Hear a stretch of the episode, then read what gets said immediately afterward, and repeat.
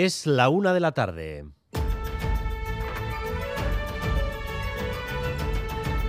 Crónica de Euskadi con Dani Álvarez.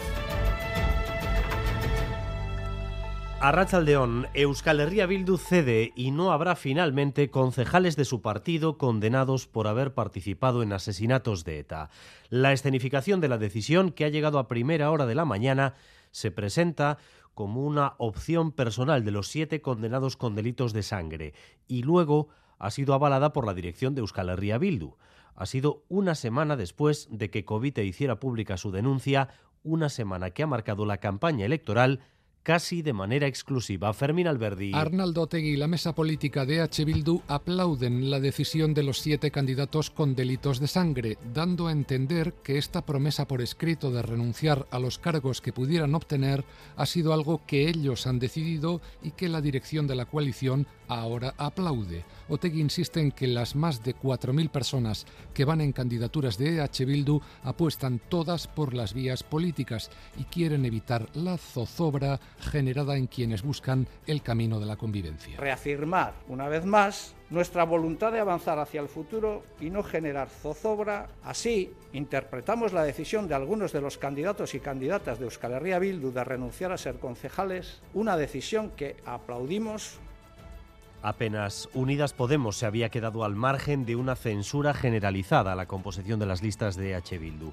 El resto de formaciones, en mayor o menor grado, han considerado que se trataba de una innecesaria ofensa a las víctimas. De modo que hoy, voces socialistas o del PNV han aplaudido la decisión. Eso sí, con un entusiasmo contenido. Escuchen, por ejemplo, a Chivite o a Aitor Esteban. Como Partido Socialista valoramos positivamente que se haya tomado esa decisión. Se han dado cuenta que han metido la pata y que hay que sacarla, que tenían pecado. A mí me parece positivo. La noticia permitirá que entren por fin otros temas en la campaña, porque hasta ahora las listas de Bildu eran prácticamente el único asunto, exprimido especialmente por un PP al que la noticia le ha cogido con el pie cambiado, sin una posición unánime. A unos les parece bien, a otros muy mal. Por ejemplo, a la candidata en Vizcaya, Raquel González, le parece una victoria, lo decía a primera hora de la mañana aquí en Radio Euskadi. Sin embargo, a su invitada a formar parte de las listas en Bilbao, a Isabel Díaz Ayuso, le parece irrelevante y exige de nuevo la ilegalización de H. Bildu es un triunfo de la democracia, de la moralidad y sobre todo de la presión social, ¿no? Porque la sociedad la que se levantó contra aquella banda terrorista y yo creo que esta vez lo ha vuelto a hacer y bueno, pues Bildu ha tenido que vamos a decir, recular y es una muy buena noticia. No cumple con la ley de partidos estas candidaturas. Hay que volver a plantearse incluso sí, su posible legalización, desde luego. Acovite, que fue la organización que denunció la presencia de condenados por delitos de sangre en las listas, sí le parece un avance y una buena noticia.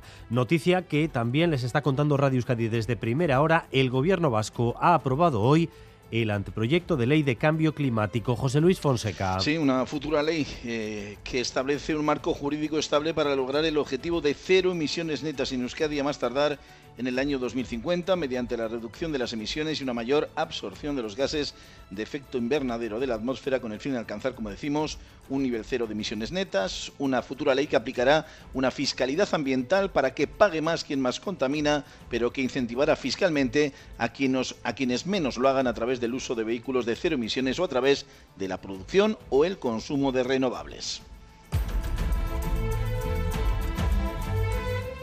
El BEC muestra desde hoy cómo será la alimentación del futuro. El prestigioso congreso Food for Future reúne a lo más puntero del sector de la alimentación, que es lo que se puede ver y oler allí. Natalia Díaz, Arrachaldeón.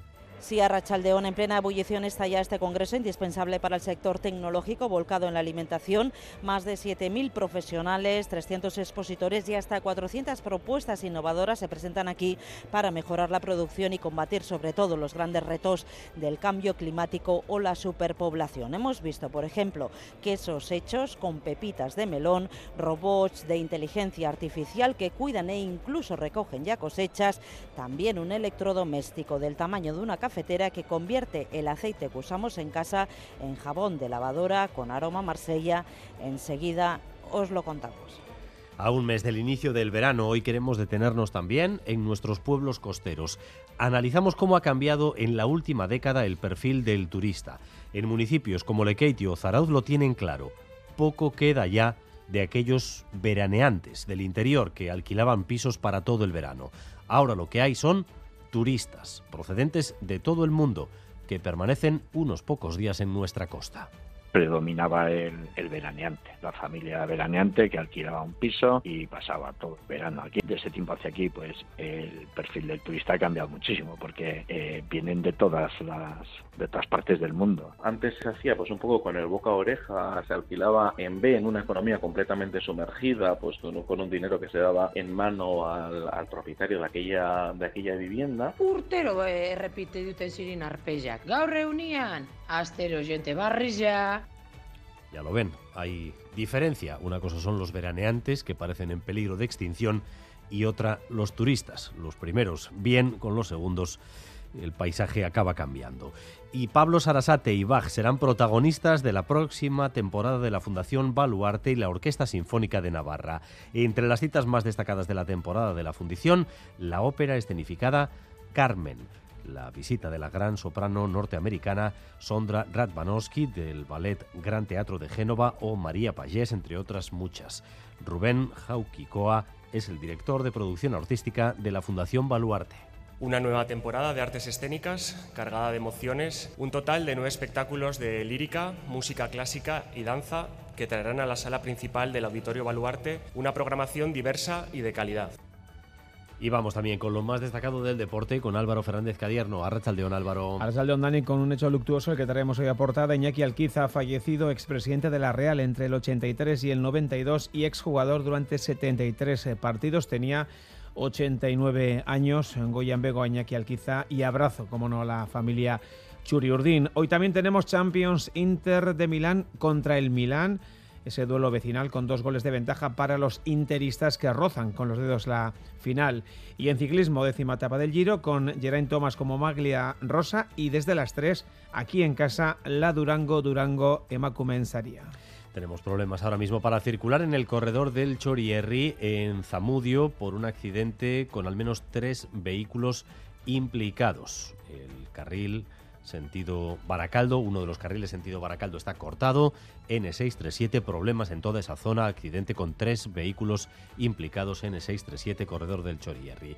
En cuanto al tiempo, las lluvias que todavía han caído esta mañana, sobre todo en Vizcaya, Guipúzcoa y el norte de Navarra, van a ir remitiendo durante las próximas horas. De hecho, se abrirán grandes claros, pero el tiempo seguirá siendo desapacible, marcado por el viento del norte, que seguirá soplando con fuerza. Temperaturas todavía más en descenso, con 17 grados de máxima ahora mismo en Bilbao, 16 en Bayona, 15 en Donostia, 12 grados tan solo en Pamplona o en Vitoria-Gasteiz. Gracias un día más por elegir Radio Euskadi y Radio Vitoria para informarse. Raúl González y José Ignacio Revuelta en la dirección técnica, Ainhoa Iglesia en la coordinación. Crónica de Euskadi con Dani Álvarez.